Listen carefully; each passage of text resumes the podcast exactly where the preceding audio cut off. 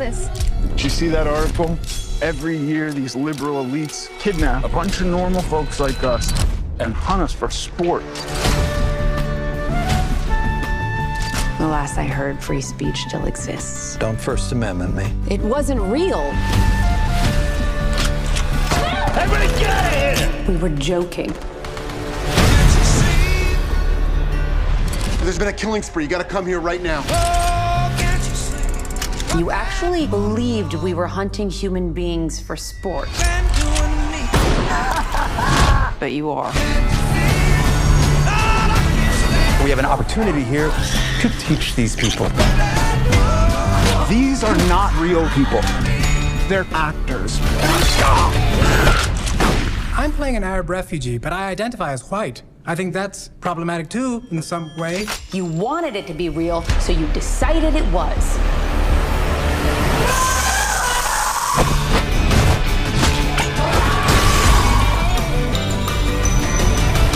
Of sick people would even think of something like that? White people. We're the worst.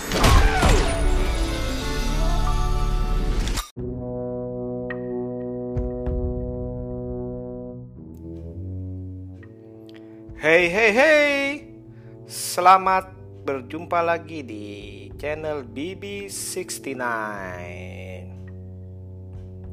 Pada episode hari ini Saya akan membahas mengenai film yang berjudul The Hunt Film ini disutradarai oleh Craig Zobel Dan dibintangi oleh Betty Gilpin Hilary Swank Emma Roberts Terry Weibel dan Justin Hartley.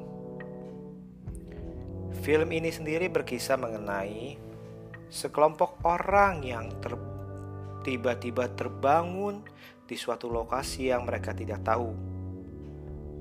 Dengan segala kebingungan, mereka harus dihadapi ancaman yang mengancam hidup mereka. Karena ternyata di luar sana ada sekelompok orang yang berusaha memburu mereka dan membunuh mereka dengan cara apa pun juga. Film ini sendiri memang mempunyai premis yang tidak original dan bisa ditemukan di beberapa film lainnya yang sudah ada. Naskah dan cerita dari film ini sendiri bisa dibilang dangkal. Namun, bagi saya, suguhan dari komedi dan aksinya itu cukup menghibur dan gila-gilaan. Yang mana kadang-kadang itu orang lain bilang bahwa aksinya justru tidak masuk akal dan itu yang membuat mereka membenci film ini. Pengenalan tokoh-tokohnya dan cara meletakkan bahwa siapa saja bisa mati di dalam film ini dan kapan saja mereka bisa mati itu bagi saya itu cukup menarik karena di film ini mereka yang muncul pertama belum tentu yang menjadi selamat di akhir mereka yang kita sangka adalah menjadi pahlawannya belum tentu menjadi penyelamat film ini. Jadi, itu yang membuat saya bilang bahwa film ini adalah film yang menarik bagi saya. Nah, kalau kalian ingin film aksi thriller yang serius dan masuk akal, film ini bukan untuk Anda. Tapi bila kalian menyukai film yang thriller, yang nyeleneh dengan komedi dan aksi yang gila-gilaan dan gore, film ini cukup menghibur bagi saya. Dan di dalam film ini, uh, mungkin ini adalah ada spoiler sedikit ya. Di dalam film ini menampilkan motivasi dari para pelaku memburu daripada orang-orang asing tersebut itu sebenarnya menyinggung keadaan masyarakat saat sekarang ini di mana penggiringan-penggiringan opini yang benar atau salah bisa terjadi masyarakat.